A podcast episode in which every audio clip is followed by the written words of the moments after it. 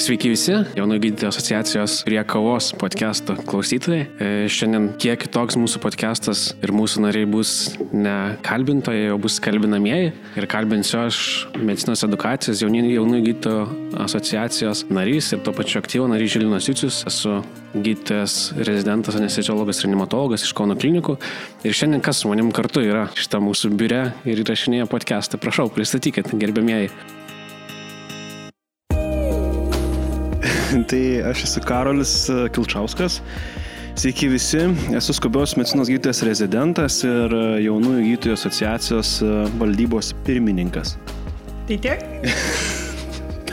ką žinau. Nu, pasakyk dar ką nors apie save. Na nu, gerai, esu iš Raseinių, esu atsargos leitenantas, esu nevyriausybininkas, aktyvistas, žmogus, kuriam rūpi, kur link juda Lietuva. Gerai, tai esu Miglė Gedminė, JG komunikacijos koordinatorė ir Vilniaus universitete gydytoja rezidentė, pediatrius. Ir daugiau, net nežinau, ką apie save šiuo metu turiu pasakyti, ką tik grįžau iš Prancūzijos iš stažuotės. Esu dirbusi ir Lietuvos regionuose kaip rezidentė. Ir taip pat bandžiau ir emigruoti, prieš pat rezidentūros studijas e, buvau įstojus į Junktinės karalystės sistemą, bet pasikeitus kažkokiam ten darbiniam ir asmeniniam aplinkybėm nusprendžiau neišvažiuoti ir nuo to ir prasidėjo kelias JG. Jūs vis vartojate terminą JG, tai aš norėčiau tokį klausimą jums užtat. Kiek jums jūsų identiteto dalis yra JG ir tas visuomeniškumas, nevyriausybinės organizacijos? Kaip iš viso tokie dalykai atėjo jūsų gyvenimą?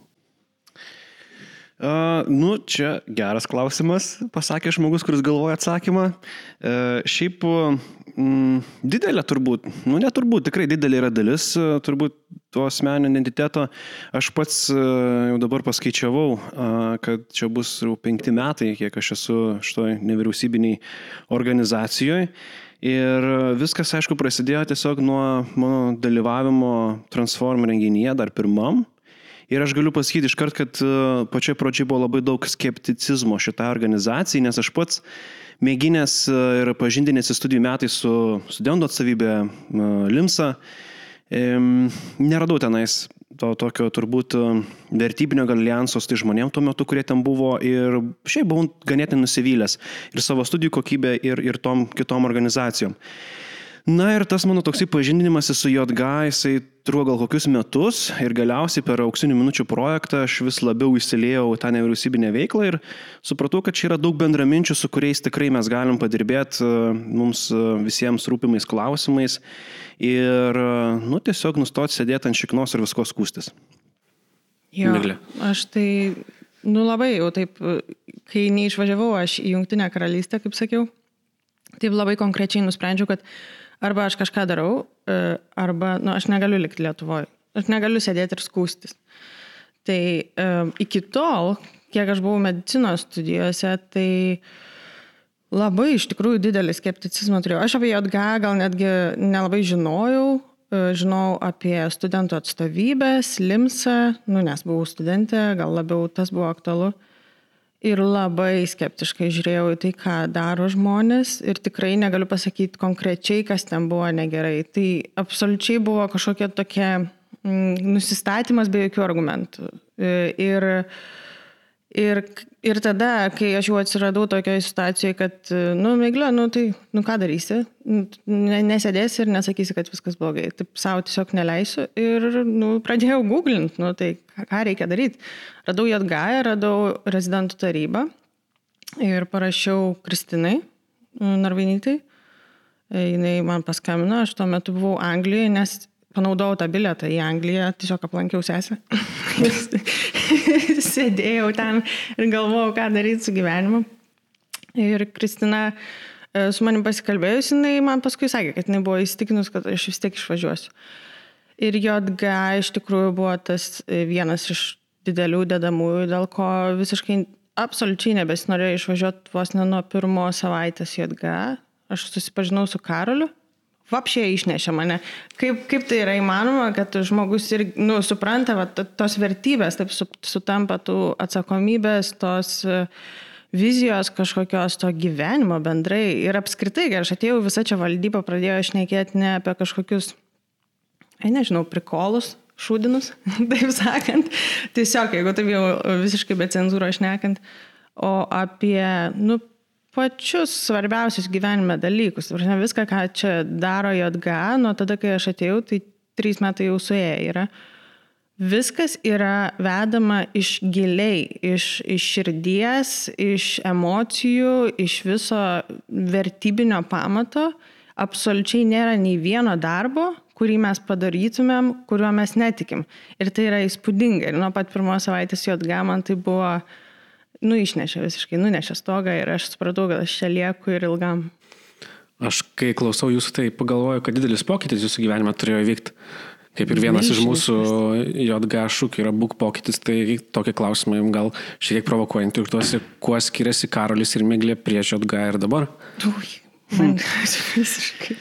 E, daugiau vilties turbūt, e, gal taip išsireikščiau, daugiau vilties, daugiau optimizmo, daugiau pasitikėjimo, daugiau tikėjimo e, žmonėmis, aplinka daugiau meilės, daugiau meilės savo darbui, daugiau meilės Lietuvai, netgi taip. Ir, ir, ir, ir tas pokytis, jisai labai tikslus klausimas, jisai pirmiausia ir yra iš tikrųjų ne apie kažkokius išorinius dalykus, nebe sistemai, jisai apie pokytį yra viduje.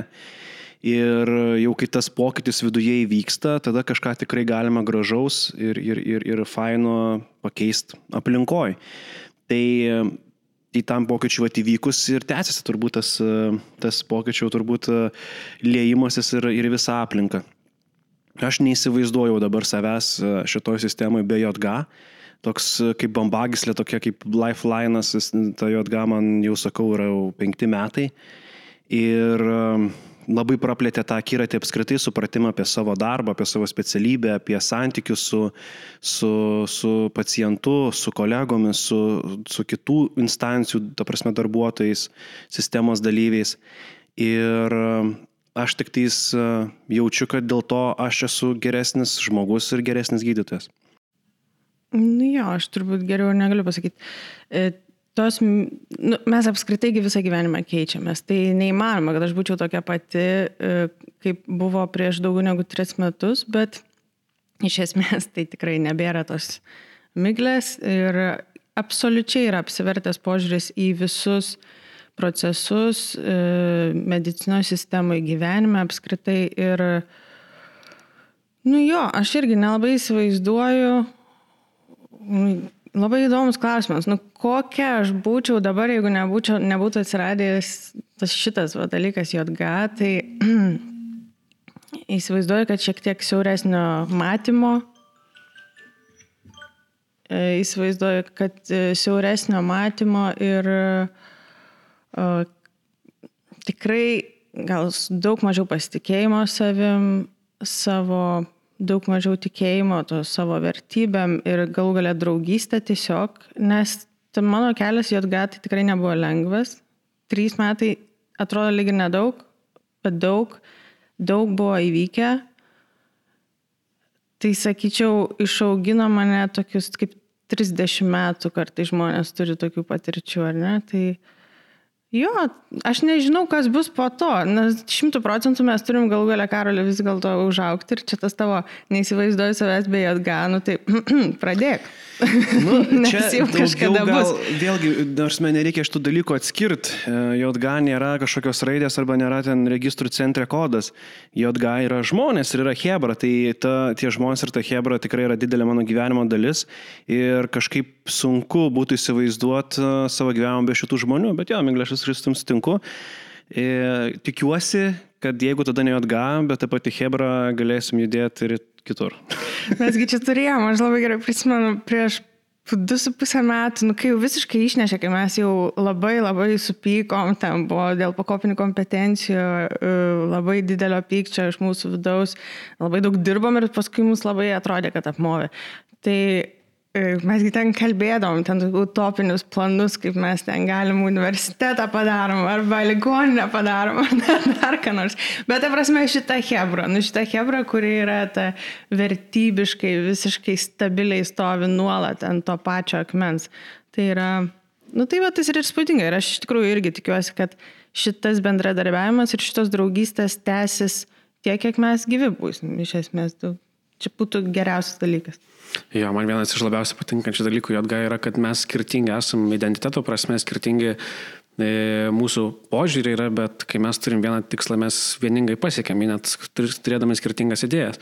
Ir va, ką iš jūsų girdžiu, tai kad jūs įgaut labai daug patirties ir, ir tikėjimo. Tai va, norėčiau gal jūsų paklausti, ką jūs pasakytumėt jaunam studentui, jaunam rezidentui, kuris va, svarsto ir ieško kažko panašaus į JG Nes dabar toks pasirinkimų riboji, ką jūs pasakytumėt, ar savo pasakytumėt prieš kelis metus, kai jūs buvote ant to eit kažkur, neit kažkur, stagnuot ar kažkokį bandyt pokytį padaryti? Tai aš tai galiu pasakyti tą patį, ką aš savo pasakiau. Čia nieko stebuklingo. Arba tu esi sistemoje ir tu ją labai labai skundės ir viskas patampa labai labai blogai, nes tikrai Lietuvoje yra labai sunku šitoje sistemoje ir nieks, nu, neturim meluoti savo yra labai daug problemų ir jos yra labai gilios. Ir kai mes pradedam kalbėti, kad viena iš giliausių problemų yra mobbingas arba bendrai psichoemocinė medikų sveikata, nu, tai come on, čia tik, nu, tik, tikrai nebus lengva, bet nu, arba sėdi ir tiesiog skundės, arba tu bandai daryti kažką. Ir tikrai patikėkit, tie, kurie klauso, e, daryti kažką iš tikrųjų išlaisvina, atgaivina ir taip galima žiauriai lengvai, lengvai praeiti per visus tos rezidentūros ar studentavimo metus. Tai absoliučiai pakeičia visą patirtį. Rezidentūra ir student, studentų pačios studijos jos visiškai nepasikeičia, bet tu pasikeiti. Ir iš esmės apie ką mes ir šnekam. Nuo ko čia prasidėjo mano patirtis JG, kai buvo pasakyta lyderystės akademijai, tu turi pasikeisti. Tu esi tas žmogus, kuris pasikeičia ir tavo požiūris, taip kaip tu priemi aplinką, taip ir gyveni, o ne taip kaip kiti gyvena ir tau nepatinka ar patinka. Tai čia ir visa ir esmė. Jo, aš tik tai antrinu migliai ir jeigu taip galėčiau nusiųs žinutę savo prieš, prieš tos penketą metų, tai turbūt taip ir kalbėčiau, kad seniai, aš suprantu, kad tu jautiesi uždaužytas, galbūt jautiesi uh, praėjęs kažkokią mėsmalę, dar grandinamas tos mėsmalės viduje, bet tai tik tais yra tau sukurta iliuzija. Tu turi absoliučiai visas galės ištrūkti iš to ir, ir, ir, ir yra žmonių, kuriems tai rūpi ir tie žmonės gali tau padėti ir kartu su tai žmonėm tu gali pradėti laužyti netgi pačią tą mėsmalę. Tai šita, šita sistema arba ta darbo aplinka arba ta mokymosi aplinka arba struktūra, jinai nėra duotybė. Visi šitie dalykai gali būti pakeisti, tik tais tam reikia ryšto, pasitikėjimo savim ir turbūt tokia organizacija kaip JOTGA šitą gali tau suteikti. Patiko man jūsų atsakymai, bet ir dažnai girdėjau terminą sistema. Ir mes vis tiek šitas pokalbė viena iš esmė mūsų yra sisteminis dalykas, tai medicinė edukacija. Ir vienas dalykų, ką manęs paklausė, kai atėjau JG, koks yra mano kodėl, tai aš jūsų noriu paklausti, koks jūs yra medicinės edukacijos kodėl. Kodėl jūs esate medicinė komandai, kodėl medicinės edukacijos komandai, kodėl jums rūpi medicinė edukacija. Ką iš tų klausimų jūs galėtumėte atsakyti? Nu, Dabar aš truputėlį pasitaisysiu patogiau to mikrofono. E, e, žodžiu, medicinė edukacija tai man tiesiog labai yra toks e, giliai, giliai išjaustas dalykas, nes aš kaip ir minėjau, vienas, viena, viena priežasčių, kodėl aš iš vis atėjau universitetinę veiklą, tai buvo uh, tos tokios iliuzijos, kad e, gerai mokytis mokykloje, gerai išlaikyti egzaminus, įstoti į medicinos studijas ir tapti gydytoju, tai čia jau yra kažkas wow ir čia jau tu geriau, gerų kelių eini gyvenime. Bet tada susiduri su ta tokia skaudžia realybė, kad tos medicinos studijos jos nėra tokia utopija, kokia gali pasirodyti iš išorės ir tiesą sakant, netgi yra labai labai daug skaudžių dalykų, kurių tiesiog nei turi, nei, nei, nei, nei gali ten būti. Bet tai yra savame suprantamas tas toks sisteminis dalykas. Apskritai medicinos studijos ir, ir studijos apskritai ir ta tiestinė medicinės kvalifikacijos tas kelimas, nu tai yra, nei kaip čia pasakyti, kertinis medicinos formavimas, kertinė dalis, kuri formuoja visą medicinos sistemą. Nes e, tai um, duoda pagrindą kažkokią trajektoriją apskritai šitoj, šitoj sistemai specialistams, kurie jie judės.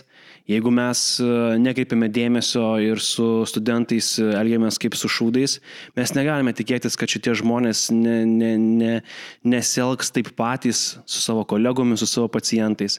Ir kai mes kalbam apie tiesiog elementarų paciento ir mediko santyki, mediko mediko santyki, Tai viskas absoliučiai pradeda formuotis nuo uh, studijų ir tai yra, nu, ta prasme, tas, tas pagrindas, ant kurio stovi absoliučiai visa sveikatos apsaugos sistema.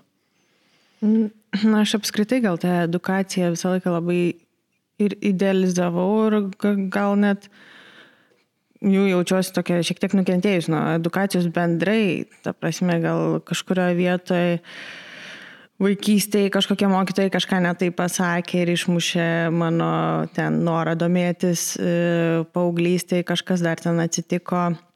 Medicinos studijos apskritai man buvo labai labai sunkios ir aš buvau tas žmogus, Šiaip aš esu labai labai jautrus žmogus ir labai naivus žmogus ir man labai sunku suprasti tą realybę. Iš tikrųjų, iki šiol aš kartais ne, nepajaučiu, ant kiek viskas yra, pavyzdžiui, kiek viskas iš tikrųjų gali būti blogai. Arba kai Seimo narys ateina man ir pasako, kad e, mes apginsim rezidentų teisės, tai aš taip ir, nu, iš tikrųjų ir galvoju, kad nu, čia taip ir turi būti, nu, žmogus negali ateiti ir į akis pasakyti e, kažkokią mėšlo visiško. Tai, nu, man čia bus sunku dar gyvenime nuo šito Ir medicinos studijose man buvo nežmoniškai sunku. Aš pasėmiau netgi akademinės atostogas metams po trečio kurso, nes visiškai nesupratau, kas vyksta, ypač po geros mokyklos Vilniuje. Galvau, nu ka, kas čia yra, nu, ka, ar čia su manim tikrai yra taip blogai, kad taip yra blogai, ar čia kas. Išvažiavau į Švediją, padirbau mokytoje ir tada dar pradėjau galvoti, tai gal man eiti iš viso į edukaciją. Nu, tik tai, kad tas atsigavimas gal nuo šitos sistemos padėjo suprasti, kad noriu aš tą gydytoją tapti, bet turbūt, kad vis dėlto nuo edukacijos nenoriu visiškai atitrūkti ir jeigu gyvenimas taip sudėliotų, kad aš iš tikrųjų galėčiau užsimti kažkokią prasme medicinos edukaciją, E, tai aš ir norėčiau tai daryti ir norėčiau pradėti nuo to, kad apskritai pasikeistų šitą vis, nu, viskas, ką mes darome medicinoje, medicinos edukacijų, nu, iš esmės beveik viskas.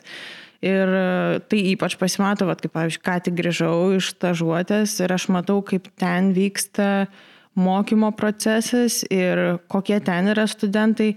Mes čia turim pusę metų praktikos ar ne kažkokios e, ir visi įsivaizduoja, kad medicinos studentai yra kaip bet kuris kitas studentas. Mes net per podcastus tą patį girdėjom, kad, ai, nu tai čia studijos tai teorija, o paskui vat rezidentūroje tai jau prasideda praktika. Nu, čia, kokia čia nesąmonė, čia yra medicina. Kokia dar teorija, ten yra visi šeši metai teorijos, jokių čia tokių dalykų niekur kitur nėra. Visur studentai e, nuo ketvirto, penkto kurso, nu bent jau, pradeda eiti ligoninės ir pradeda realiai padėti gydytojui jo darbe. Ir mokytis kartu, ir padėti gydytojui jo darbe. O dabar tai, ką aš girdžiu, pavyzdžiui, kad ir iš mūsų pačių, uh, Tai studentai, jeigu jie ateina pusę metų po vien tik teorinių žinių, visiškai neišmokyti bendradarbiauti su gydytojai, absoliučiai. Tai tu negali net nusiųsti juos, e, apklausti paciento, jie, nes jie tinkamai nereferuos. Ar ne? Tai, nu, tai apie ką mes kalbam? Mes neturim normalios medicinos edukacijos, mes neturim vizijos jai. Ir tas, nu, man labai skauda turbūt, tai dėl to aš ir čia ir esu. Paminėjai, Miglė, ir tu užsienį, ir, ir su Karoliu anksčiau esu kalbėjęs apie skirtingus pavyzdžius. Tai jeigu jūs galėtumėte, tarkim, padaryti medicinės edukacijos Frankensteiną, įsivaizduokit, kas yra Frankensteinas ir skirtingų detalių paimti skirtingi organai ir su, sukurtas bendras kūnas, tai kaip atrodytų jūsų tas medicinės edukacijos modelis, kurį vat, galit pasimti iš bet kur tinkamus pavyzdžius geruosius ir pat sukurti sistemą?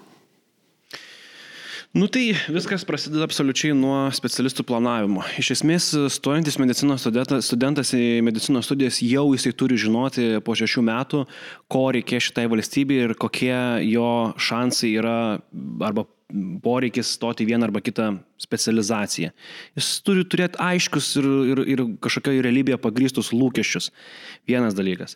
Antras dalykas, e, von visas mokamas e, medicinos studijas. Aš nežinau, čia tiesiog, jeigu reikia universitetams uždirbti pinigų, tiek to, tegu uždirba iš užsieniečių, bet nesuprantu, kodėl lietuvių turi mokėti už medicinos studijas. Antras dalykas. Trečias dalykas, man tikrai labai imponuoja, nors tai yra radikaliai idėja, ta šveicarų sistema, kada į faktiškai medicinos studijas pirmais metais yra priimami, nu, beveik ten vos ne visi norintys.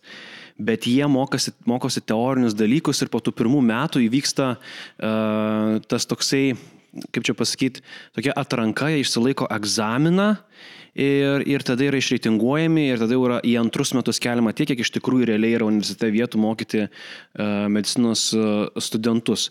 Tai šansai kaip ir visiems yra vienodi, bet, uh, bet uh, žodžiu, priimama, tarasme, tik tais dalis šitų studentų, kai kurie prisimatuoja tą mediciną savo, tada per pirmus metus supranta, kad galbūt tie lūkesčiai visiškai buvo pagristi nerealybėje ir tada dar tik tais, kaip čia praleidus metus tuose studijose, dar yra laiko tikrai pakeisti savo trajektoriją ir galbūt rinktis kitas specialybės, kitas karjeras.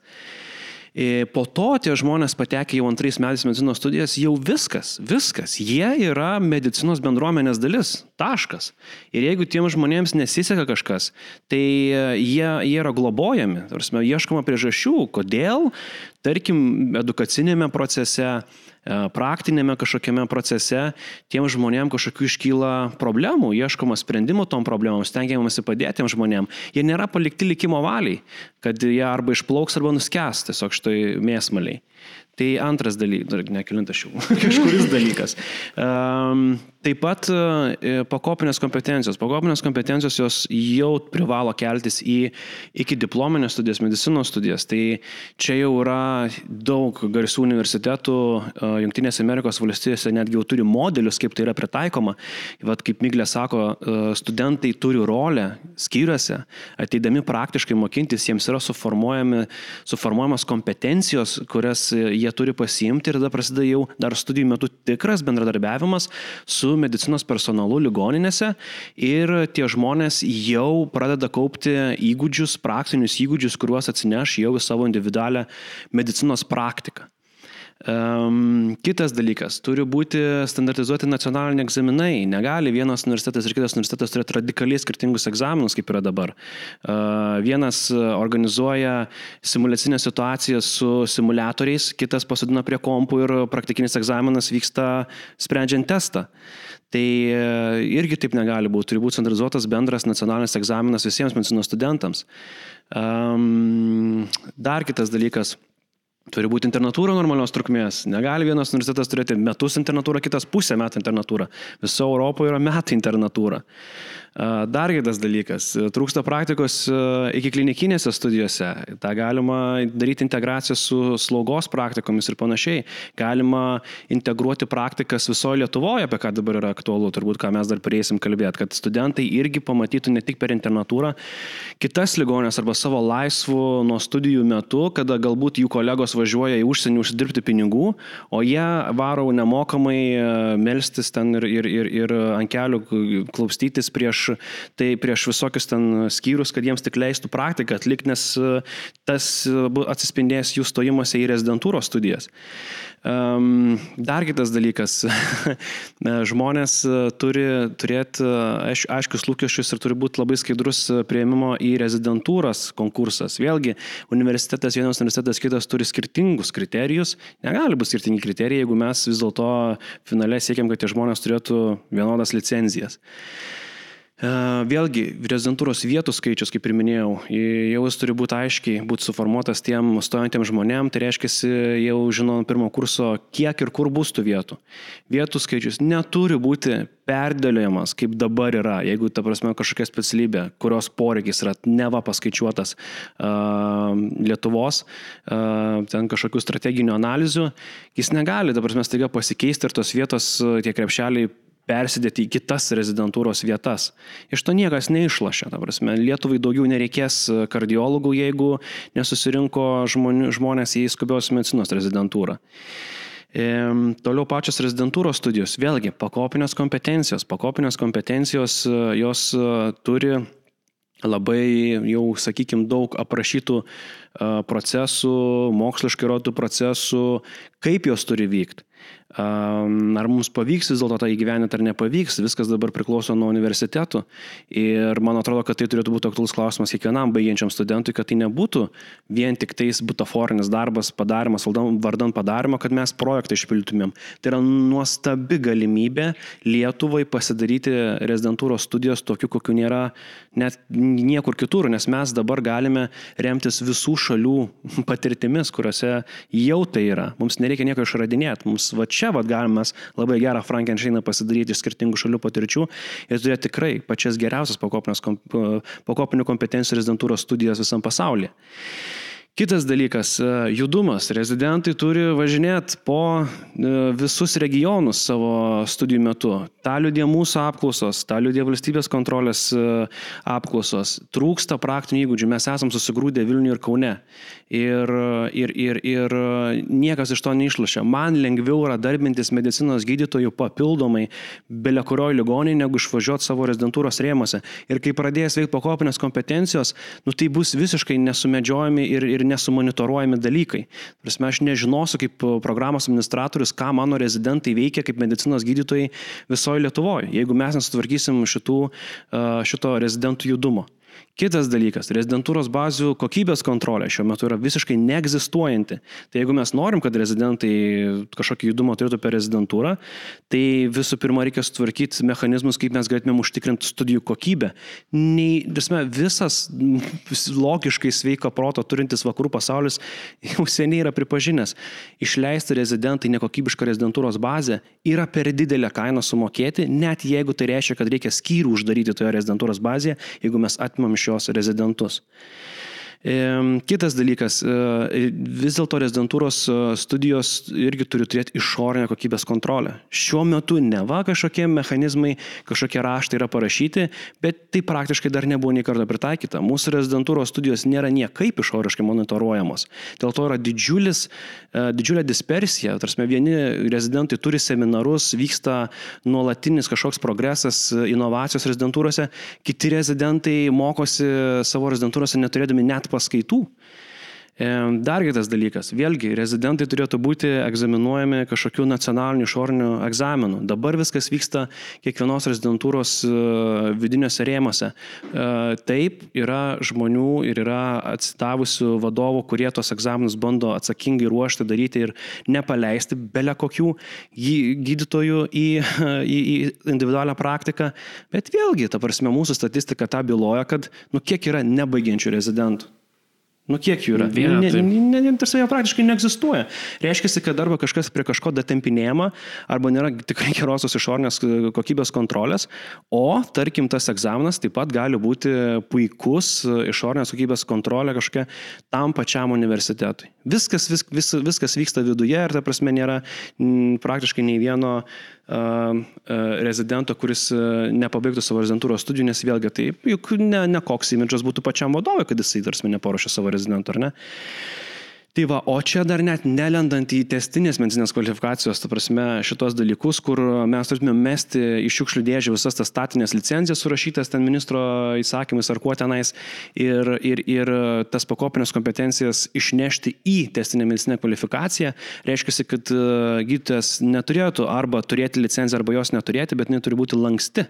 Reiškia, jeigu gydytojas nedirba su kažkokiamis pakopinės kompetencijomis, galbūt jis praranda per tam tikrą metų skaičių savo pakopinės kai kurias kompetencijas kompetencijas, bet nepraranda savo iš esmės licenzijos kaip specialisto, nes jis galbūt tiesiog specializuojasi siaurame procedūrų ar pacientų spektre savo būtent licenzijos rėmose, o kiti galbūt galėtų netgi pasimti kai kurias pakominės kompetencijas iš kitų specialybių.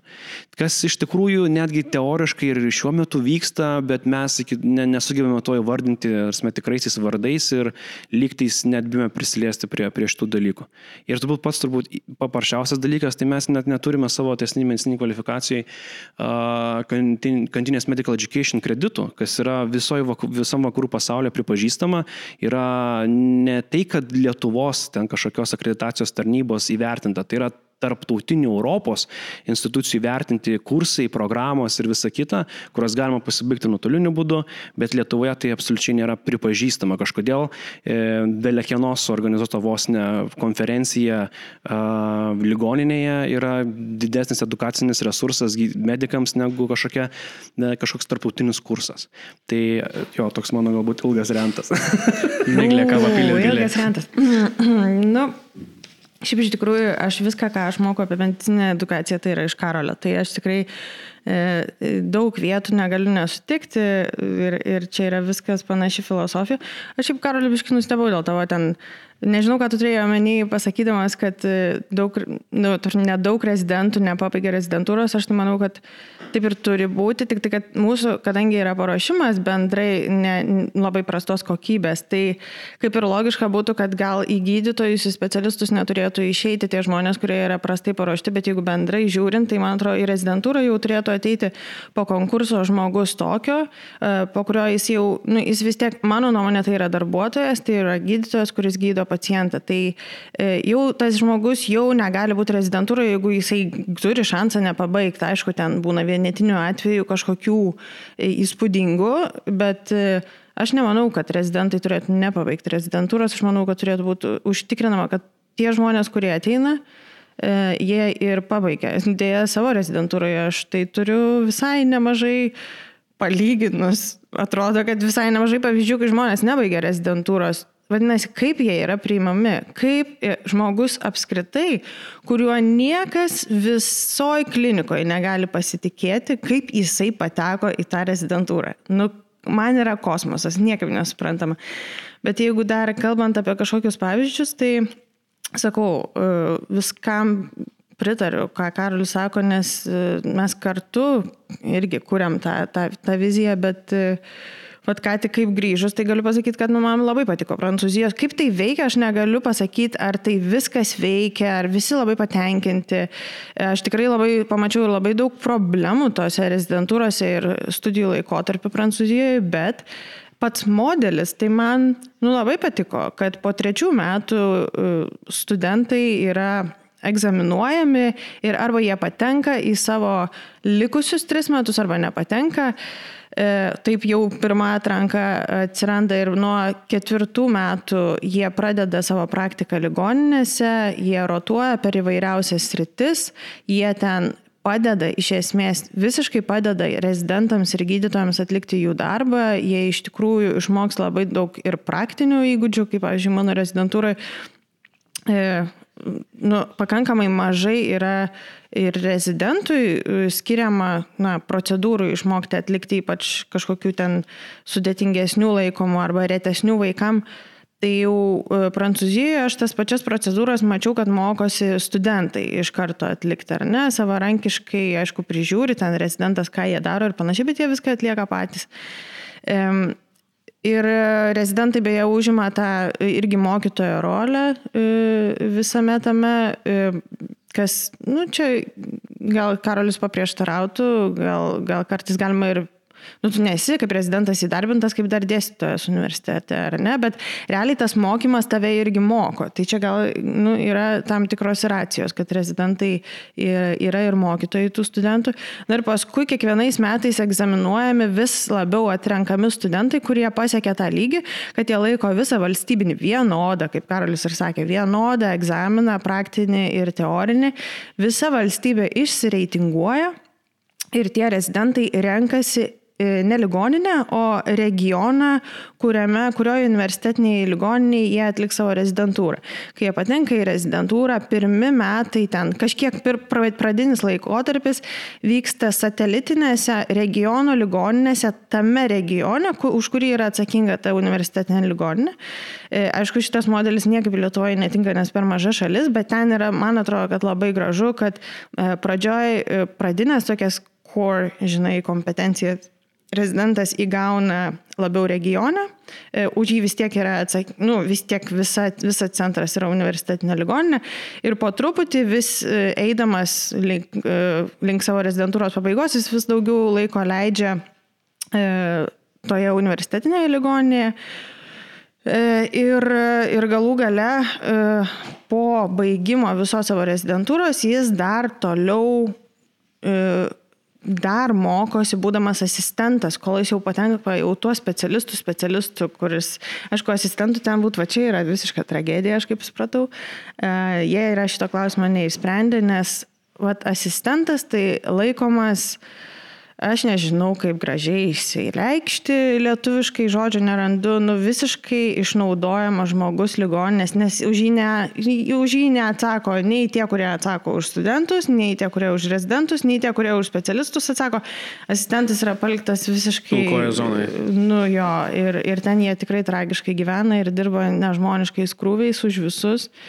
Bet bendrai, va šita bendra, bendra sistema, rezidentūros studijų laikotarpio, tai man atrodo yra labai nu, nu, tokia kaip logiška. Nu, Kiek tiesiog... primena estišką modelį, jeigu aš neklystu?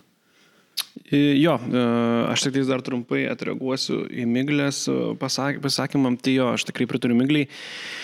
Gal tik tais e, dėl to rezidentų ten baigimo aš ką norėjau pabrėžti, kad kadangi mes neturim jokios išorinės kontrolės, tai aš žinau, kad ir aš tikrai žinau konkrečių pavyzdžių, kad kartais galbūt tie egzaminai yra datempiami iki rezidento lygio net virkščiai.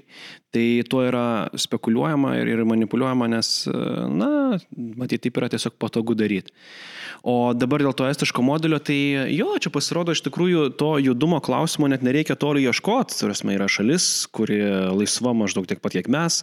E, Sveikatos apsaugos sistema kūrė nuo tokių pat pagrindų kaip mes, bet e, kadangi buvo tinklo vizija pradėta gyventi dar prieš 20 metų, tai jie pakankamai toli yra nuėję ir su savo tam tikrais e, studijų aspektais. Jie mums pavydė pakopinių kompetencijų, bet mes jiems pavydim jų uh, judumo.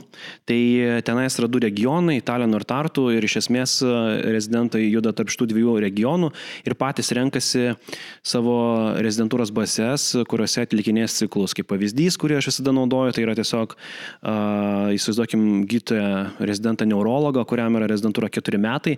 Iš tų keturių metų jis tik pusę metų privalo praleisti universitetinėje Tartu ligoninėje. Ir kodėl taip yra? Nu, dėl to, kad jų Tartu universitetinė ligoninė nėra pati didžiausia Estijos ligoninė ir jie labai anksti suprato tai, kad ten visų rezidentų nesukiši.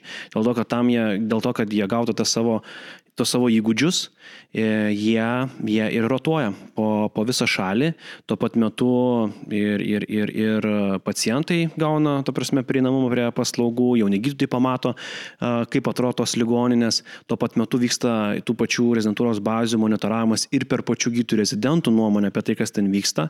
Ir iš tikrųjų yra tam tikros rezidentūros bazės skyriai, į kuriuos yra didelis konkursas patekti, nes jie nepriima visų norinčių, nes visi supranta, kad visų neįmanoma priimti norinčių, yra skaičius, kiek galima kokybiškai mokinti rezidentų viename skyriuje. Ir į kitus konkursų didelio nėra, nes tiesiog ten yra praščiau. Tai va tokia sistema. Bet tai aš jau noriu pereiti tą klausinėjantį žmogų. Karoli, mes čia šitos dalykus, kuriuos dabar tu kalbi ir aš šiek tiek pasakiau, kalbam tikrai ne vienerius metus ir tikrai bandom pasakyti ir sveikatos apsaugos ministerijai, kad ir kuri kadencija bebūtų ir universitetams ir valstybės kontrolės išvados yra, ar ne? Dabar e, kiekvieną kartą, kai mes pradedam šnekėti, bent jau, nu, va, taip kaip mes dabar šnekam iš esmės, jeigu pradedam šnekėti su žmonėm, kurie priima tuos sprendimus, mes gaunam labai daug gynybinių reakcijų. bet nu, tokias milžiniškas gynybinės reakcijas, kai, kai, kai tu nebegali, e, tikrai nebegali šnekėti argumentų kalba ir, ir tu supranti, kad tu nu, niekur tame dialogė nenueisi. Tai ką mes blogai darom? Karaliu, ką, ką reikia Ar mes čia iš vis kažką blogai darom? E, ka, ka, kas yra, kas būtų tas pirmas momentas, kuris tu galvoji, kad galėtų išjudinti, e, pra, pra, pralaužyti tos ledus, kad mes galėtumėm kažką vykdyti. Gal kuris iš šitų visų dalykų, kuriuos tu išvardinai labai daug rentindamas, e, kuris iš jų yra tas pirmas, kurio reiktų imtis, kad visiems atrodytų biški paprasčiau, kad žmonės negalvotų, kad reikia gintis nuo visų, viso to. Per 30 nepriklausomybės metų e, Lietuvos sveikatos saugos sistemoje yra jau susiformavus tam tikra dinamika. Ir ta dinamika turbūt šiek tiek galima pajusti tendencijų pradėjo keistis prieš e, keletą metų. Galbūt tai susijęs su jaunųjų gydytojų asociacijos atsikūrimu, galbūt tai yra susijęs su naujos partijos ateimu į valdžią ir, nu, literaliai, Aurelius Vyryga buvo pirmasis sveikatos apsaugos ministras, kuris išbuvo visą kadenciją. Iki tol visi politiniai lyderiai, kurie formavo sveikatos apsaugos kryptį, išbūdo vidutiniškai visi ministrai po pusantrų metų.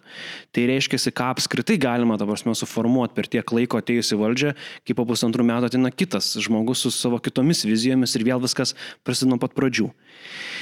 Per tą laiką e, mūsų didžiosios ligoninės, e, tretiniai universitetiniai centrai e, pampo ir didėjo Ir neturint aiškios lyderystės e, politikoje, jie perėmė tą lyderystę galbūt, sakykime, ne visai taip kokiais oficialiais būdais šiaip šitoje sistemoje. Nėra turbūt jokios darbo grupės, kurioje aš būčiau dalyvavęs arba aš būčiau matęs, kur nedalyvautų universitetai. Šiandien atėjęs naujas žmogus į sveikatos apsaugos ministeriją ir formuodamas kažkokias darbo grupės, think tankus, bet aš labai laisvai vartoju šito žodį, nes mes realių think tankų neturim Lietuvoje. Um, visada kviečiasi universitetus savo pagalbą, nes tiesiog kitur nėra kas atsvertų jų tą kompetenciją suformavusi per tos kelius dešimtmečius. Ir kai mes pradam kalbėti apie studijų kokybę ir apie tas problemas, kurias žmonės gynybiškai tai reaguoja, nes jie supranta, kad mes tiesą sakom ir jie tą puikiai patys žino. Ir jie jaučia, kad e, kasdami kulną šitoj vietoj, tom instancijom, tiem, tiem universitetam, kurie ruošia šiandien medikus, jie iš esmės truputėlį vat, degina tą bendrystę, draugystę tais visais kitais klausimais, kuriuos jie turbūt jaučia, kad nesugebės įspręsti be universitetų pagalbos. Ir man tiesiog susiformuoja tokia nuomonė, kad tiesiog medicinė edukacija yra pakišta po traukiniu, mėginant spręsti visus kitus klausimus ir nesipykti ir neliesti tiesiog universitetinių centrų. Kaip vienas iš turbūt kiečiausių pavyzdžių, koks yra politikų ir mūsų universitetų santykis, tai yra tai, kai išeina pirmą kartą per 31, per 31 nepriklausomės metus valstybės kontrolės apklausa gydytojų rezidentų apie jų studijų kokybę Ir ten yra prirašyta, nu neįtikėtinai skaudžių dalykų. Nuo mobbingo iki visiškų vadovų nedalyvavimo studijų procese, iki praktinių įgūdžių trūkumo, iki beleko. Tuo pat metu, kaip jau mes kalbėjom, nebuvo niekada išorinės kontrolės. Ir vad, bum, nutinka tokia apklausa. Tai nutiko Liepos mėnesį. Universitetai yra tokioje galios pozicijoje šiandien, kad jiems net nereikia viešai komentuoti nieko. Absoliučiai niekas nieko apie tai viešai nepakomentavo. Aš, aš tai esu visiškam šokė nuo šito, kad niekas nepakomentavo. Aš negaliu suprasti, kaip, kaip įmanoma, kad tą pačią dieną ten mūsų ministrė ir premjerė ten kažkur papietauja arba nepapietauja ir apie tai yra kalbama tris dienas ir tai yra padaromas skandalas. Gerai, viskas yra tvarkoje, žmonėms reikia tų skandalų, nu, pakalbam ten politiką, žaidimą ir taip toliau. Bet išeina šitas dalykas, kur žmonės cituoja tuot yra skaudu, ta prasme, norisi verkti skaitant tuos atsakymus ir universitetai visiškai leidžia savo nereaguoti. Ir niekas nedaro iš esmės jokio spaudimo. Politiniam lygmenį nebuvo uh, parlamentinės jokios kontrolės. Tarsi visi dabar šitie politikai, kurie vaidina, jog čia gelbėja e, sveikatos saugos sistemą, viešo erdvėjai, čia su tais rezidento atidirbimais ir panašiai, jiems buvo nusispjaut ant to, ką uh, parašė valstybės kontrolė. Asme, jų vietoje, tai čia būtų pirmas dalykas, prasidėjus rudens sesijai, ką aš būčiau padaręs, tai padaręs parlamentinę kontrolę universitetams, kokio velnio ir ką jie išdarinėja už mokesčių mokėtojų pinigus, kad yra toks vertinimas besimokančiųjų tų paslaugų realiai, kurias perka valstybė iš tų universitetų. Tai yra absurdas. Tai čia yra vienas dalykas, bet dabar, nu, taip labai žemą taško pradėjus, tai turbūt ir vilties duot. Tai kad iš esmės šitie klausimai, va, ir yra tuo labai labai svarbus e, tokiom nevyriausybinėm organizacijom kaip JGA, kurie nu, vat, neturi konkrečių labai saitų, nei su vienu, nei su kitu universitetu, politinė partija ar kažkuo, kur mes galime objektyviai atstovauti mūsų jaunų gydytojų, studentų, rezidentų interesus ir pasakyti iš tikrųjų kaip yra. Ir, ir, ir tiesiog pasakyti, kad nu, karalius yra nuogas ir kodėl vis, vis, visi ignoruoja ir visiems viskas yra gerai su šituo. Tai čia yra vienas dalykas. Kitas dalykas, kad uh, um, tie klausimai, kuriuos mes dabar vis dėlto, kaip čia, spaudžiam, kad jie būtų sprendžiami, jie yra agendoje ir mes jų niekaip nepaleidžiam ir neleidžiam jų užmiršti. Tai yra irgi gerai. Nes reiškia, mes mažų mažiausiai pradam ieškoti sprendimo būdų. Netgi tas rezidentų atidirbinėjimas, jis dabar labai kelia rezidentų klausimą į viešumą, tik aišku, ne iš tos perspektyvos, kurios reikėtų. Bet e, tai vėlgi yra proga aptarti į, į, į su politikais šitos dalykus. Ir dar vienas vat, momentas, dabar kažkaip irgi kilo mintis, kad e, pagaunat mintį, tipo, e, reikia rezidentam atidirbti po studijų bet niekas nekalba apie tai, kad jiems reikia išvažiuoti į periferiją dar studijų metu. Tai čia vienas irgi iš tų puikių pavyzdžių, kur atėjusi valdžia ir supratus, jog iš tikrųjų be universitetų beveik niekas nesisprendžia šitoje sistemoje pagalbos ir autoriteto, dar kartelį, prasme, besimokantieji yra pakišami po traukiniu. Tai, tai, tai mes nelieskime rezidentų kolėro universitetinėse ligoninėse, mes prisikabinkime prie jų, kada jie tampa specialistais ir te, techniškai turėtų būti laisvos rinkos dalyviais. Tai va klausimas dabar apie regionus pradėjai. Ar e, rezidentų judumas ir pakopinės kompetencijos gali išgelbėti regionus ir regioninės ligoninės? Tai vienareikšmiškai. Ir čia iš tikrųjų vat, ir atsiranda tas esminis, esminis, čia mes jau dabar per, pernam, ta prasme, ekspertinį turbūt tą lygmenį ir, ir, ir teoriją, kur sunku suprasti žmogui, kuris arba seniai e, buvo šitam studijų procese, arba iš vis net niekada nedalyvavo, tarsi, ką mes iš tikrųjų kalbam. Tai kad e, pakopinės kompetencijos yra visų pirma ne apie tai, kad gydytojai rezidentai ten yra užkraunami kažkokią atsakomybę ar, ar dar kažko. Pirmiausia yra apie tai, kad e, gydytojai rezidentai savo žingsnis po žingsnio per rezidentūrą įgauna gebėjimą E, teisę, gal aš tai pavadinčiau, atlikti tam tikras dalis savo būsimos licenzijos savarankiškai. Ir e, kai šita sistema pradės veikti, iš tikrųjų gydytojų rezidentai labai progresiškai uh, tiesiog darysis vis savarankiškesni ir galės teikti vis daugiau paslaugų, ko mes negalim daryti šiandien. Ir kadangi jau dabar yra aišku, kad e, pakankamai įgūdžių neužtenka vien tik universitetinėse ligonėse, kur 98 procentai rezidentų, nu, Vilniuje ir Kaune, ne tik universitetinėse ligonėse, bet tik dviejose šituose miestuose. Tai, e, tai, tai e, vėlgi ta atsakomybė, jinai turi būti nu, užsitarnauta, reiškia, turi būti aiški trajektorija, kągi tas rezidentas turi pamatyti, ką padaryti ir netgi kiek pamatyti ir kiek padaryti, kad jisai taptų savarankišku. Tai tie regionai čia, ta prasme, ranka ranka, ta prasme, spaudžia šitoje vietoje, nes išvažiavę gydytojai rezidentai, jie tenais gaus įgūdžių ir aš kartais girdžiu viešoje erdvėje netgi supainiamus tokius faktus, kad visi įsivaizduoja, jog tretinio lygio ligonėse yra tokie milžiniški pacientų čia srautai, kad visiems visko užtenka. Tai dar kartelį pabrėšiu, neužtenka ir tau liudija valstybės kontrolės atliktos apklausos, jog neužtenka rezidentams čia tų nei pacientų, nei įgūdžių. Tai reiškia, kad e, išvažiavus tos regionus, būsimas kažkoks specialistas, ar tai būtų chirurgijos ar terapijos kažkoks būsimas e, gydės specialistas, jis tenais atsiveš dalį savo pakopinių kompetencijų, e, kurias galės teikti ta prasme savarankiškai.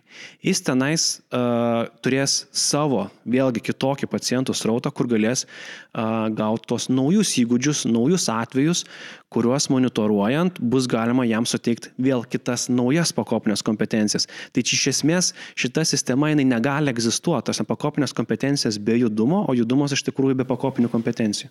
Bet va, iš to kyla klausimas dar prieš mygliai pradedant kalbėti, tai kaip užtikrinama ta kokybė bus regione, kad tie įgūdžiai, kuriuos kursai gaus jaunas specialistas bus teisingi pagal naujausias guidelines ir panašiai, kad ta prasme nekristų kokybė dėl, dėl mūsų judumo ir, ir, ir pakopinių kompetencijų. Tai vėlgi, ta prasme, šitoj vietoje, aš jau kaip minėjau, mes visiškai aplenkėm šitą studijų dalį dėl to, kad, na, nu, ir jinai labai dešimtmečius yra ignoruota. Mes iš tikrųjų neturime jokios sistemos šiandien, kaip tą monitoruoti. Ne tik universiteto viduje, Tai nevyksta. Tai nevyksta ir išorinės jokios kontrolės nėra. Tai žinoma, kad visų pirma mes e, turėdami dar du metus iki pakopinių kompetencijų to pilno startavimo, mes turime pagaliau sudėlioti sistemą, kaip turi vykti rezidentūros bazių kokybės kontrolė. Ir, ir, ir kad, e, žinai, kaip tu sakai, kad ten nuvažiavę gydytojai nenutiktų taip, kad e, tiesiog eina šuniant uodegos, nes vėlgi to yra ir vakarų valstybėse ir mes neignoruokim. Aš nesakau, kad mūsų yra periferinės arba ten regioninės ligoninės blogos. Aš ir nesakau, kad jos yra geros. Aš sakau, kad mes šiandien iš tikrųjų objektyviai nežinom, kokios jos yra. Ir e, pavyzdžiai rodo ir iš vakarų valstybių, kad e, netgi ir tokiuose galbūt turtingesnėse sistemose, ten ar tai būtų Didžioji Britanija ar kitos valstybės, nutinka taip, kad nuvažiavę gydytojų rezidentai į rezidentūros bazės pamato, kokia ten iš tikrųjų yra situacija ir jie yra iš tų rezidentūros infrastruktūros bazių atšaukiami, bet ten yra egzistuojanti sistema, kas tą gali padaryti. Kartais tai yra padaroma netgi labai skaudžia kaina. Tarkim, po to atšaukius gydytojus rezidentus iš tos rezidentūros bazės reikia net skyrių uždaryti, kas lemia ir paslaugų prieinamumo sumažėjimą pacientams ir panašiai. Bet tai yra ta kaina, ta, ta kaina, kurią nėra pasiruošusi e, save gerbinti sistema mokėti gydytojų ruošime. Mes negalime būti mėsa tankams, tai yra studijų labai atsakingas procesas, nes tie įgūdžiai, tie kokybiški įgūdžiai, kurie yra gaunami per rezidentūrą, na, jie yra absoliutus pagrindas tolimesniai dešimtmečius trunkančiai gydytojo karjerai. Tai jo, turiu pritarti praktiškai viskam, ką Karolis pasakė. Ir tavo klausimas pirmas buvo, ar tai keltų regionų, Taip. ar tai išgelbėtų regionų ligoninės. Tai va tas ir yra. Aišku, kad e, ne visas jas turbūt reikia gelbėti ir ne, ne, ne visas jas reikia išsaugoti ir ne, viso, ne visos iš išsaugoti turi būti regi, tos regioninės rezidentūros bazės. Bet e, jeigu mes įvedam tokią sistemą, apie kurią mes kalbam, vat, iš JG pusės, tai ir mes turim kokybės kontrolę pačioms bazėms, e, jeigu tai, nega, tai nėra paleistas visiškai procesas, koks dabar yra, nes iš esmės jis ir dabar yra paleistas, visiškai savaigiai vyksta universitetinėse ligoninėse, nu, tai lygiai taip pat negali vykti ir su regionais, e, dėl to, kad ten tikrai yra didesnė rizika gauti prastesnę kokybę. Bet jeigu mes e, turim tokią sistemą, kur regiono ligoninės tos, kurios jau supranta, kad gali kandidatuoti į buvimą rezidentūros baze, jos užtikrina arba neužtikrina, kad yra pakankamos kokybės, kad turi žmonių, kurie mokytų, kad turi e, pakankamai pacientų, kad išmokytų tam tikrą dalyką. Mesgi nekalbam, kad į tą ligoninę, kur nėra kokio nors akių lygų skyriaus, važiuotų akių lygų rezidentas. Ne? Tai vis tiek apie visą logiką turi būti sudėliota ir jeigu yra išorinė kokybės kontrolė, tai tos bazės automatiškai kyla e, jau vien nuo buvimo baze, vien dėl to, kad ateina jauni gydytojai, jauni rezidentai. Aš esu, kadangi aš kaip minėjau, aš važinėjau po ir į Šiaulius, ir į kitus regiono, kitas lygo, regiono ligoninės, aš mačiau ir girdėjau tiesiogiai man sakoma, kad jeigu pas mane atvažiuoja jaunas gydytojas, jaunas, rezidentas, aš kaip gydytojas vyresnis ir mano visas skyrius ir mano visa ligoninė kyla aukštyn iš karto. Dėl to, kad jau atvežamos naujos žinios, jau atvežami nauji klausimai ir čia jau automatiškai pakyla ta kokybė, ar ne? Ir tada gali būti užtikrinama geresnė kokybė, tada atsiranda ir pacientų, kuriuos galima prižiūrėti, ar ne, tada atsiranda paslaugų naujų. Prasme, viskas labai e, gražiai plečiasi. Bet jeigu mes dar pridedam tą normalią išorinę kontrolę, apie kurią Karolis papasakojo, tai taip ir yra išgelbėjamas tas nu, regionų ligoninių kokybė. Ir tai yra E, man tai labai gaila iš tikrųjų dabar stebėti, e, bebūnant JGA, kad nu, nėra to supratimo, atrodo kažkodėl niekam neaišku, sėdint e, sprendimų prieimėjo kėdėjai, kad medicinos edukacija ir rezidentai ir studentai, tai kaip mes juos ruošiam, taip kaip mane ruošia, tokia yra visos Lietuvos ateitis. Tai nėra e, mano ateitis, tai nėra mano skyriaus ateitis, tai nėra netgi mano miesto ar rajono ateitis, tai yra visiškai visai Lietuvoje atsiliepiantis dalykas. Ir jeigu mes iš sutvarkom medicinos edukacijos spragas, bent jau, nu, tarkim, 50 procentų to, ką mes turim dabar didžiul, didžiulių problemų, automatiškai visiškai visa sistema tvarkosi. Ta, tai nėra tai, kad liečia tik tai mane, tik tai rezidentą.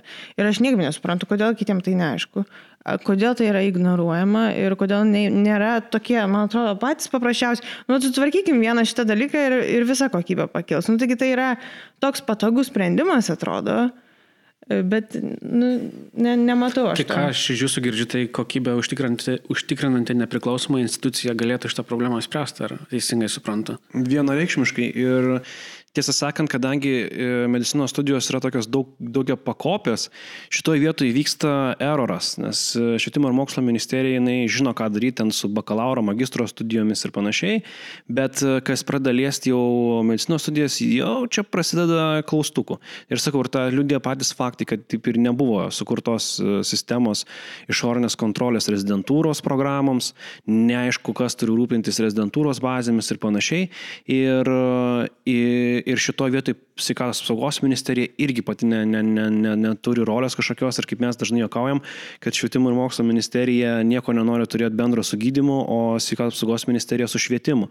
Tai gaunasi tada, kad e, kas tu tą turi daryti ir taip gaunasi, kad daro, tai tiesiog universitetai be jokios išorinės kokybės kontrolės. O jeigu paimtumėm pavyzdį su karo akademija ir krašto apsaugos ministerija, kad po ministerija grinai e, mokymų įstaiga yra. Jo, ir, ir tiesą sakant, aš net drįsiu savo pasakyti, kad e, gydytojai yra ne ką e, specifiškesnė e, sritis ruošime, kuri turėtų atskirą turėtų turėti atskirą, ne bendrą su visais va, tą priežiūros mechanizmą. Ir, ta, ir tas, sakau, precedentas, ar ne, kaip, kaip žinai, jis, jis tikrai yra Lietuvoje, jau netgi ir dabar, kada tikrai karo, karo krašto apsaugos ministerija nesidalina šitą atsakomybę su švietimo, sporto ir mokslo ministerija. Tai yra aiškus, atsakinga, aiškiai atsakinga institucija. Lygiai tas pas turėtų nutikti ir su medicinos studijomis. Galbūt mes galim diskutuoti, kad vienos studijos turėtų likti švietimo ir mokslo ministerijos atsakomybėje, na, bet rezidentūros studijos, nu, tai tikrai vienareikšmiškai turėtų būti tik tai sveikatos apsaugos ministerijos atsakomybė. Ir apskritai, jeigu kalbant tada apie vakarų pavyzdžius, ko mes neturim Lietuvoje, bet tai, kad mes neturim Lietuvoje, tai nereiškia, kad niekas tos funkcijos ir neturi vykdyti. Tai tarkim, vakarų valstybėse ta kontrolė dažnai atitenka gydytojų rūmams ir draugijoms. Draugijos organizuoja nacionalinius egzaminus. E, gydytojų rūmai prižiūri rezidentūros bazių kokybę, kažkokios duoda vizijas, prerogatyvus programų, programiniam ruošime, kryptis nurodo ir panašiai. Tai tik toksai pačios bendruomenės savikontrolės mechanizmas. Ir mes to šiandien Lietuvoje neturime, Tai kas tas funkcijas vykdo, jeigu ne, to nevykdo e, savivalda? Karaliau, kodėl mes neturim tavo nuomonė gydytojų rūmų? Dėl to, kad apskritai gytų rūmų, rūmų ta, tas dalykas yra didelė labai tradicija vakarų valstybėse, nu, kuri ten tęsiasi daugiau negu šimtą metų ir panašiai. Tai tenais tiesiog buvo daug tai iki to, kad vat, gydytojo profesija yra ta profesija, kurioje turi vykti savivalda ir tam tikra savikontrolė. Nes, nes vėlgi, ta prasme, kažkur iš šono atėję žmonės dėl didelės labai specifikos, jie nesugebės įvertinti visų kintamųjų. Ir tai yra labai gražus pavyzdys, kada iš tikrųjų bendruomenė pati stengiasi iš visų galių užtikrinti kokybę savo grinai profesijoje. Nuo edukacijos iki licenzijamo ir taip toliau ir panašiai. Nu, čia tai aš tai turiu labai va tokį iškart klausimėlį po trijų podcastų, kuriuos tu įvykdai. Mes įvykdėm, e, buvo šeši žmonės, e, penki iš jų gydytojai. Tai ką, e, kas man labiausiai patiko, kas buvo pasakyta per visus podcastus, kas manęs, mane šiek tiek praturtino ir galbūt įkvėpė šiek tiek vilties, tai buvo tas šeštas žmogus, kuris nebuvo gydytojas. Tai kaip, kaip suprasti šitą dalyką? Ir galų galę, nes dabar, kai mes turim tos sprendimus priimtus, uh, ar ne, dėl, dėl naujo projekto atidirbinėjimo, nu, kur yra, nu, košmaras kažkoks, nu, tarsi, kaip dar po 30 metų galima šitą sugalvoti. Nu, tiesiog visiems net, mesgi net nepatikėjom pradžioj. Ta prasme, penktadienį išėjo e, projektas ir Mes su Karoliu vieną kartą šnekam telefonu, antrą kartą šnekam telefonu ir mes netikim, kad tai iš tikrųjų gali būti vykdyta. Nu, tokie kaip, nu, sakau, aš tai labai nevi. tai, tai man, nu, tau klausimas, ką padarytų tie gydytojų rūmai, jeigu ten susirinktų tokie žmonės, kurie uh, iš tikrųjų gali tokius projektus siūlyti? Uh, tai nieko gero nebūtų. Geriau nebūtų. Tai tiesiog trumpas atsakymas. Uh, iš tikrųjų, uh, tokia institucija kaip savivalda visų pirma, tai yra visuomenės patikėjimas ir pasitikėjimas ta bendruomenė, kad jis sugebės kokybiškai užsimti savikontrolę. Tai ar tai būtų advokato profesija, ar tai būtų architekto profesija, kur mes turime atitikmenis jau ir šiandien Lietuvoje. Na, tai turi būti, sakau, pirmiausia visuomenės pasitikėjimas. Kokiame lygmenyje šiandien yra visuomenės pasitikėjimas, pavyzdžiui, gydytojų, Nu, čia yra klausimas. Tai ar visų pirma reikia paklausti savęs, ar mes visuomenės akise esame užsitarnavę tokį pasitikėjimą, kad mes galėtumėm uh, tikrai užsimti savikontrolę. Kitas dalykas, na, kur tai yra mūsų tada tradicija tos savikontrolės dar neturint gydytojų rūmų. Nu, tai kur čia tos yra mūsų nevyriausybinės organizacijos, kurios sugebėtų pavežti tokią naštą, nes uh, Jeigu taip aiškiai labai matytųsi ta tendencija, kad, kad, kad mes turim labai aiškias vertybės, mes ne, jokių kompromisų nedarom, ta prasme yra struktūra, yra, yra vis bendruomenės lyderiai, kurie eina miegoti ir keliasi su šitą idėją. Tada taip, galbūt mes galėtumėm judėti ir tą idėją pamažu vystyti ir, ir, ir, ir šviesti visuomenę visų pirma, kam tai yra reikalinga. Bet kol kas aš to nematau. Aš šitą idėją tikiu teoriniam lygmenyje, bet praktiškai aš jos pritaikymo šiandien Lietuvoje nematau. O JG, tu valdybos pirmininkas, e, ar JG negali būti, negali tapti kažkuo daugiau negu nevyriausybinė, nevyriausybinė organizacija? Nu, tai vėlgi, ta prasme, e, kaip čia pasakyti, e, labai iš vis keistas fenomenas, kad JG yra atskiras darinys nuo profesinių sąjungų, nuo, nuo, nuo kažkokių kitokių asociacijų Lietuvoje.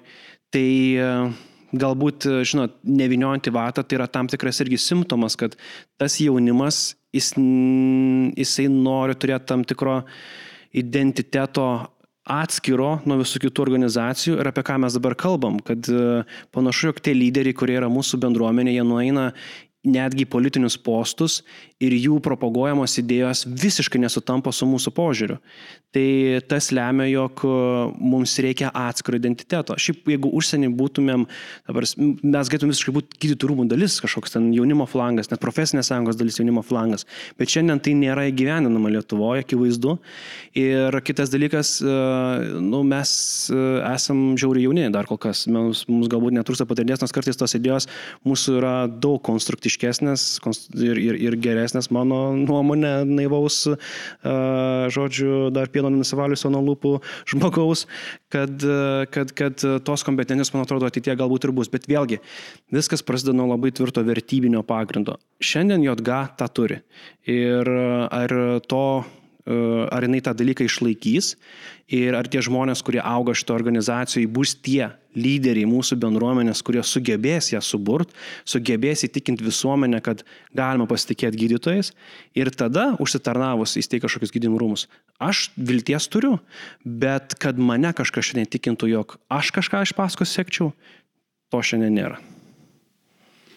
O galbūt dar klausimas čia kalbėjai apie draugijas ir, ir gydytojų rūmus, galbūt medicinė edukacija išgelbėtų stiprios draugijos, nes tarkim vis tiek mes dažnai būnam tokie kraštutiniai, kraštutiniai ir nepateikėm gerųjų Lietuvos pavyzdžių, nes jų, nors jų yra tiesiog, pavyzdžiui, koreliacija Lietuvos anesteziologų ir reanimatologų draugijos, skubios medicinos asociacijos, skubios medicinos gydytojų asociacija ir tos rezidentūros jos yra nu, klestinčios medicinė edukacijos prasme, tarkim, galbūt aš šališkas būsiu kalbėdamas apie savo klinikas, kuriuom dirbu, bet ten labai didelis dėmesys yra skiriamas medicinė edukacijai.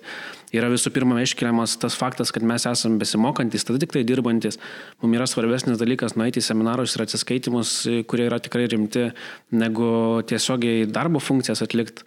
Tai va, tai gal tos draugijos, tokios kaip ir Vatskubė pagalba iš viso, e, gal, gal čia kaltė yra to, kad šios, šitose dviejose mūsų srityse, Karoli, yra jaunų labai daug žmonių ir, ir jaunos profesijos, tai galbūt ne, ne gydytojų rūmai, o stiprios draugijos išgelbėtų medicinę edukaciją ir stiprinant skirtingas rezidentūras.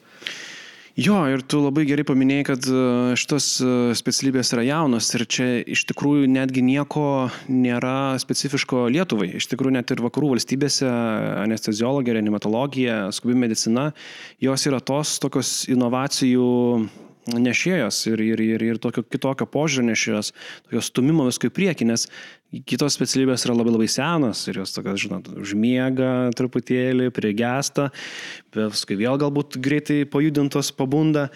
O šitos dar jos tokios turi įrodyti savo vertę, tai jos labai stengiasi.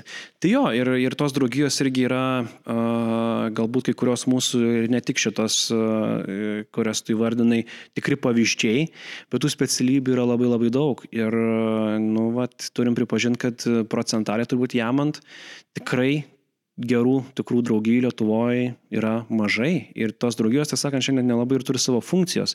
Ir čia dabar dar vienas toks vat, įdomus momentas, jeigu mes vis dėlto pradėjom kalbėti apie gydytojų rūmus, tai dabar pafilosofuokim, o kuo šiandien gydytojų rūmai skiria, nors universitetai skiriasi nuo gydytojų rūmų kuo? Nes e, kartais būna taip, kad per, per valstybės užsakymo komisijos posėdžius VUKA e, universitetai leidžia savo išsakinėti draugijų nuomonės nes tų draugijų vadovai dirba tose pačios universitetinėse ligoninėse. Na nu, ir jie ten koridoriui pasikalba ir pasitarė ir ateina universitetai kaip tikrai gydytojų rūmai atstovauti draugijų konsensusą, kažkokią draugijų nuomonę. Nes e, vėlgi, gydytojų rūmai jie labai bendradarbiauja su draugijomis. Tai iš tikrųjų stiprios draugijos turbūt kuria gydytojų rūmus, o ne atvirkščiai. Ir, ir šiandien mes turim tą situaciją, kai nėra gydytojų rūmų, nėra gero, tikros išorinės kontrolės. Na tai faktiškai ta funkcija yra perėmė universitetai ir mums šiandien tiesiog reikia tikrai su lupa žiūrėti visą šitą dalyką ir ieškoti skirtumų, ko universitetai skiriasi nuo gydytojų rūmų. Nors akivaizdu, jog universitetai nėra gydytojų rūmai, jie negali to būti. Bet universitetai niekada nenutrauks ryšio, ta prasme, jeigu ir įsivysė tokia struktūra kaip gydytojų rūmai dėl to, kad universitetuose gydy, dirbo gydytojai, kurie bus gydytojų rūmų nariai. Tai... Jo, ir čia tiesą sakant yra didelis, didelis iššūkis mums Ir visoms, aš netgi pasakysiu, Baltijos valstybėms, ar mūsų viduje užtenka skaidrumo ir užtenka dydžio, tikrai padaryti nepriklausomus gydytojų rūmus, nes iš esmės gydytojų rūmai atsiranda kaip kita dar šalis, kuri galėtų užsiminėti ir turėtų užsiminėti nepriklausomą tų pačių universitetų darbo kontrolę. Bet jeigu tenais dirbtų žmonės, kurie yra tik tais e, dirbantis tam pačiam universitete ir tuo pačiu dar vadovaujantis gydytojų rūmams, nu, mes suprantame, kad tai ranka ranka plauna. Net dabar labai dažnai būna daug kritikos, kad e, sveikatos apsaugos ministerija vadovauja arba Vilnius, arba Kaunas. Reiškia, arba kažkas iš Vilnius universiteto, arba kažkas iš Kauno LSMU universiteto ir, ir tada jau žiūrima su skepticizmu. Lygiai tas pats būtų su gydytojų rūmais, bet gydytojų rūmų idėja yra paremta skaidrumu ir atsakomybė prieš visuomenę, tad bet koks toks vat, kreivas šleivas atspindys, na, jisai diskredituotų visiškai pačią instanciją. Tai tikrai buvo anksčiau ir kalbų ir svajojom kartu su Latvijais ir Estais, o kas jeigu mes, pavyzdžiui, padarytumėm uh, Baltijos šalių, pavyzdžiui, gydytojų rūmus? Gal tada daugiau atsirastų skaidrumo ir galėtų netgi skirtingos valstybės padėti nešti idėjas ir kontroliuoti vieną kitą, kadangi jau mes esame iš tikrųjų tokios nedidelės šalis, bet šalia viena kitos su labai panašia bendra istorija. Jo, iš tikrųjų, man atrodo, kad vien dėl to, kad valstybė yra tokia nedidelė, tas skaidrumas, labai labai sunku užtikrinti skaidrumą, nes aš irgi galvoju, nu, dabar, galvojant, kas dabar vyksta, kokios yra profsąjungos, nevyriausybinės organizacijos tame dalyvauja, draugijos, universitetai ir sveikatos apsaugos ministerijos. Ir, Ir, ir tu pradedi suprasti, kad nu, čia lygiai taip pat kaip toj pačioj rezidentūroje, kur tu mokais toj pačioj ligoninėje, kur gydytojas yra ir, ir vadovas skyriaus, ir kartu ir profesorius ten kokios nors klinikos universitete. Dėl to negali vykti kažkokie mm, skaidrus pokyčiai ar ne toje klinikoje. E, tai lygiai tas pats ir valstybiniu mastu. Tai yra tiesiog per mažai atrodo, kad žmonių tam visam užtikrinti. Iš visai gera idėja, aš nebuvau jos e, išgirdus. Tik tai čia vėlgi klausimas tada, kai, kai taip skiriasi kokybė ir e, kad ir kaip bandoma įrodyti, kad Latvijos pavyzdys yra labai puikus šiom dienom, bet ne, tai nėra puikus pavyzdys ir, ir Gali būti, kad, pavyzdžiui, mums susijungus su Latvija ir Estija, nu tas Latvijos, pavyzdžiui, pavyzdys galėtų mums netgi pakengti. Va, paims ir išsiūs į regionus tada po rezidentūros, nes Latvijoje labai gerai viskas ten. Taip, labai kardinaliai skiriasi. Tarkim, Estai turi, kaip ir mes jau kalbėjom, judumą, o Latvija turi atidirbimą, tai, o mes kur esam tarp jų. Mhm. Kažkoks toks. E, tai, bet čia tas yra kišiausias dalykas, kad visi startavom e, nuo to pačio starto linijos, bet e, esam visas, visas, visas skirtingas kryptis nubėgę.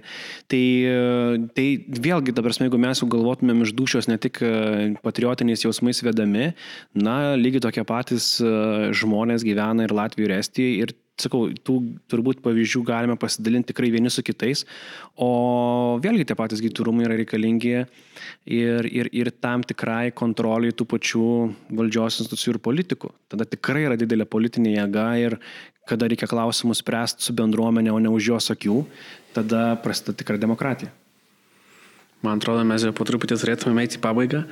Ir gal paskutinis jūsų toks paprašymas jums, e, ką jūs palinkėtumėt politikams, kurie sprendžia šitas klausimus, nes vat, susidūrėme su tokia situacija, kad viena dalykas, gal čia mūsų jaunas naivumas yra, kad mums vieną dalyką pažada, o kitas dalykas ateina ta diena, kai išrenkami politikai ir, ir jų politinė valia visiškai būna priešinga kalbom, kurias jie kalba su mumis ir prieš tai. E, tai va, tai ką jūs palinkėtumėt? E, aš norėčiau palinkėti politikams e, toks įkvėptas minties, kurią girdėjau už ponios Aušros Maldikienės, kad e, politiko rolė vis dėlto nėra būti pačiu aštriausiu peiliu stalčiui. Politiko rolė yra būti tuo žmogumi, kuris sugeba išklausyti visas puses ir rasti tinkamiausią kelią į priekį. Ir e, tai yra žadama prieš kiekvienus rinkimus, bet kai ateina momentas tą gyvenant praktiškai, pradedama, pradedama apsimetinėti pačiais aštriausiais peiliais stalčiuje, ne va tai galima ignoruoti e, suinteresuotas šalis ir žmonės galbūt, kurie tikrai gali pasiūlyti naujų progresyvių idėjų. Man labai gaila dėl Tevinės sąjungos Lietuvos krikščionių demokratų, kad kažko, kuriuo metu jie patikėjo, jog net ir savo programos rašyme nereikia tarti su jaunaisiais gydytojais. Nuėjus į politiką nereikia tarti su jaunaisiais gydytojais dėl priminėjimų sprendimų.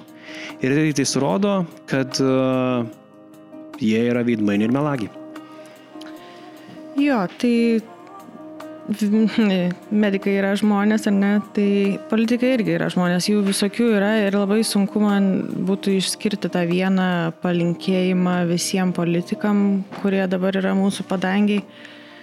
Bet e, šiaip, jeigu taip bendrai gyvenimiškai, filosofiškai žiūrint, linkėčiau kiekvienam žmogui, kuris eina į politiką ir bent jau pradedantis politinį kelią. Um, vis dėlto susikurti tokį tvirtą vertybinį pagrindą, kad e, tom visom nesąmonėm, kurios mes žinom, kad vyksta politikoje, būtų sunku išmušti tą pagrindą. Nes e, dabar, ką mes pamatėm, nu, sakau, sunku, pa, sunku pasakyti patarimą visiems. Gal tam tikri politikai niekada ir neturėjo to vertybinio pagrindo, kurį mes galvojam, kad matom. Nu, ta prasme, jo niekada nebuvo, nu, tai, tai nieks ir neišmušė. Bet e, visiems kitiems tai linkėčiau tiesiog labai labai didelės stiprybės išlaikyti tai, nes tikrai mes žinom ir pažįstam tų politikų, kurie visą save atiduoda ir daugiausia savęs atiduoda būtent į tą tašką, kas jau sutampa jau su JG vertybėm, kad jie ne nepaliktų savo pagrindinių esminių žmogiškųjų vertybių darydami tuos sprendimus. Nepaisant to, kokia buvo programa, nepaisant to, kokia opozicijoje, opozicijoje ten jie sėdi, e, kokia yra partija, kuriai priklauso ar atstovauja, e, nepriklausomai nuo to, jie didžiausią darbą dirba išlaikydami savo stuburą. Tai taip, Tevinė sąjunga stuburo absoliučiai neturi ir neparodė šį kartą. Ir turbūt, kai mes pradėjome pokalbį apie kodėl, tai jie gal net neįsikėlė savo kodėl yra. Tai va, tai nepamirškit savo kodėl, tiek klausytojai, tiek, tiek politikai. Tai va, čia buvo jaunų įgytojų asociacijos podcastas prie kavos ir iki kitų kartų. Viso. Ačiū, ate. Labai